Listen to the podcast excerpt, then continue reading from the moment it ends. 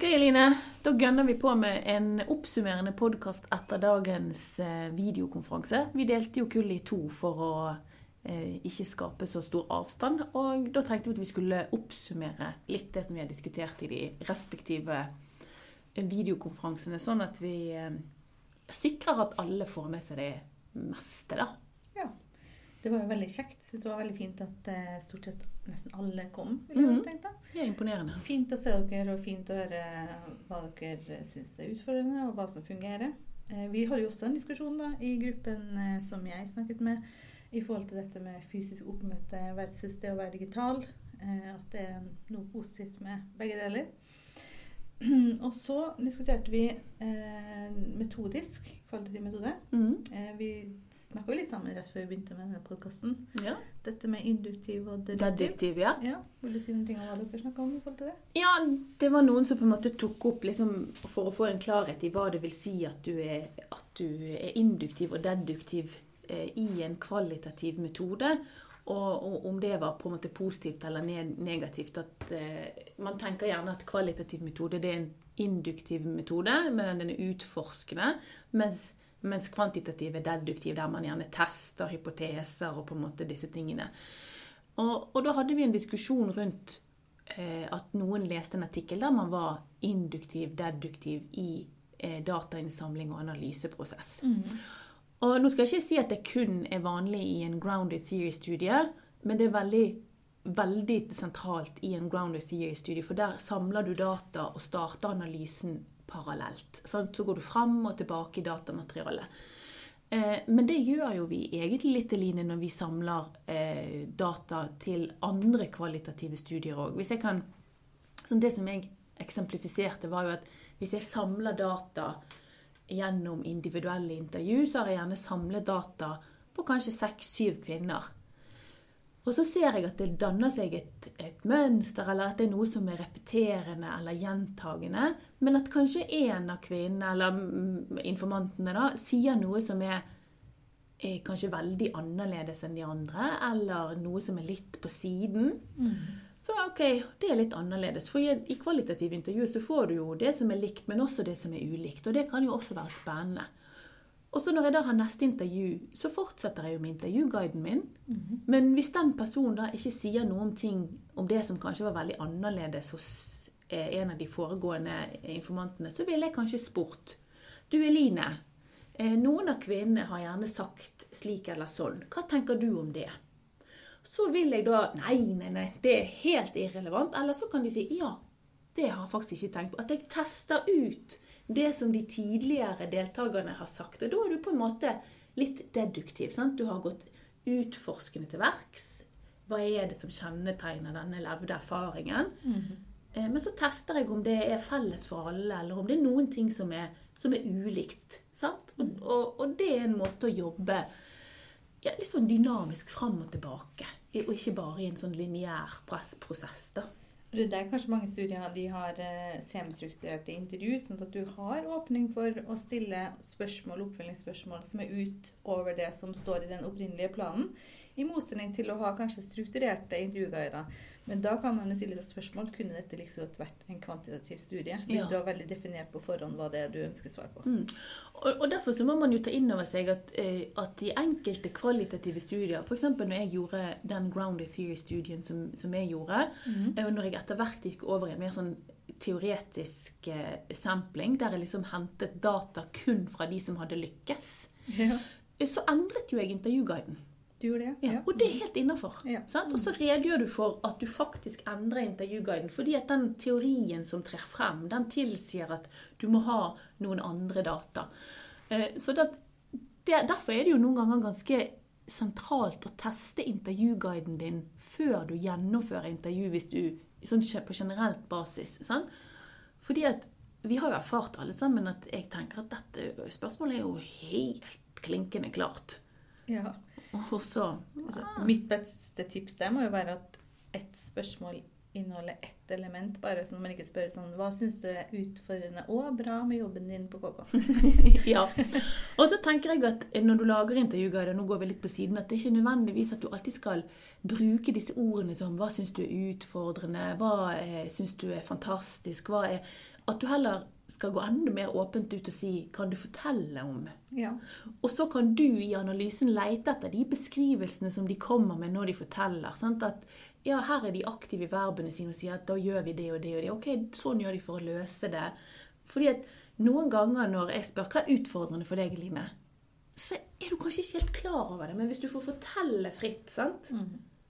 så kjenner du plutselig at du hører i det du forteller at Oi, der møtte du på en utfordring når du fortalte om det. Eller du spør, kan du fortelle om en gang du lykkes med noe?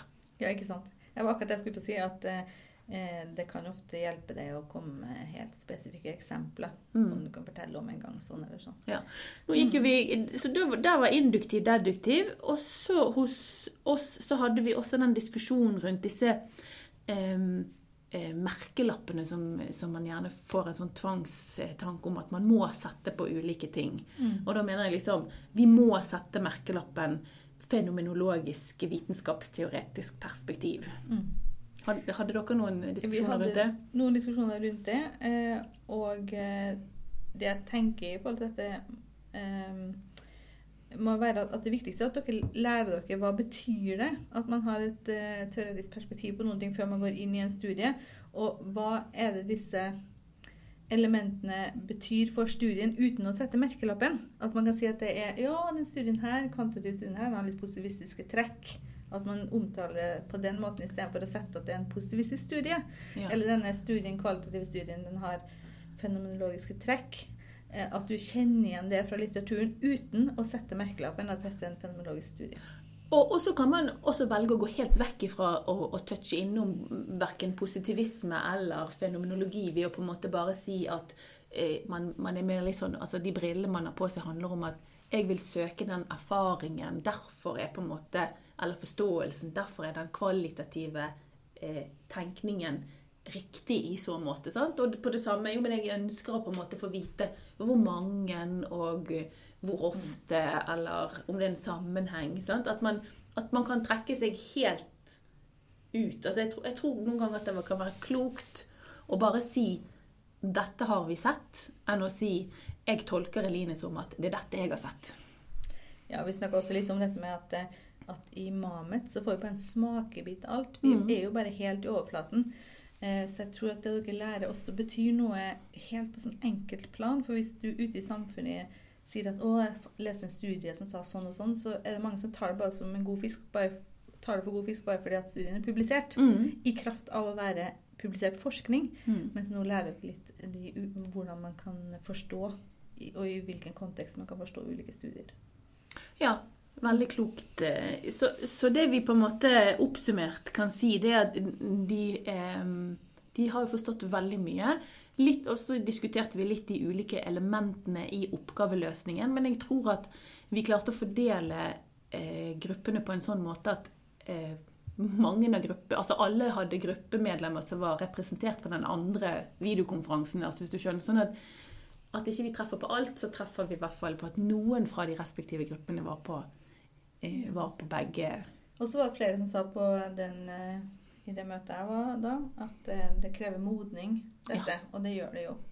Ja da, og, fint å anerkjenne for seg selv og for Mm. hverandre. og den diskusjonen hadde vi jo også. Der var det noen som var allerede begynt på den kvantitative oppgaven, der jeg på en måte eh, henviste til at det er lurt å skynde seg litt langsomt. Og det er en henstilling til alle her nå at hvis noen sier vi er begynt på det, ikke bli stresset av at noen er kommet lengre. Det kan hende at det er klokt at du er kommet kortere. Ja, det kan være. Altså, for sånn vil det jo være hele tiden, at vi jobber på ulikt vis og ulikt sett. Så vær mer opptatt av hva du trenger, enn hva alle andre gjør. Det tror jeg er eh, klokt i det metodiske landskapet. Vi var også innom noen andre temaer som refleksivitet. eh, Ja. Så jeg vet ikke om jeg skal si helt kort om det. Vi eh, klarerte i hvert fall ganske greit hva det er for noen ting. Mm. Eh, Men for eh, din gruppe, hvis dere ikke var innom refleksivitet, så eh, tenker jeg at dere bør lese dere opp om refleksivitet og trustworthiness. At det handler litt om hva du tar med deg inn i en studie, og hva, hvilken betydning det har for studien din. Hvem er du, hvilken bakgrunn har du, hvilken utdanning har du?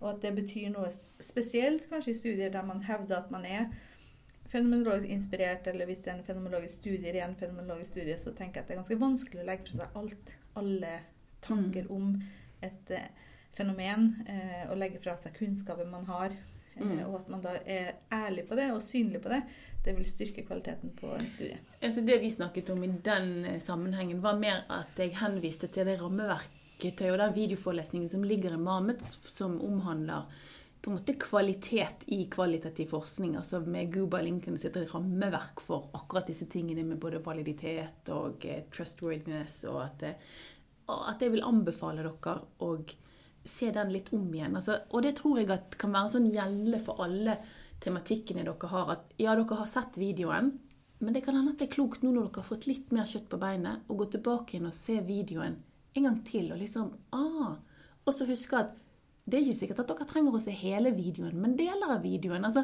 det er jo lukt, altså Dere må makse potensialet ved at dere faktisk har forelesningene liggende der, eh, og kan bruke de om igjen og om igjen og om igjen. Og dere kan bruke de om igjen og om igjen på den måten som passer dere best.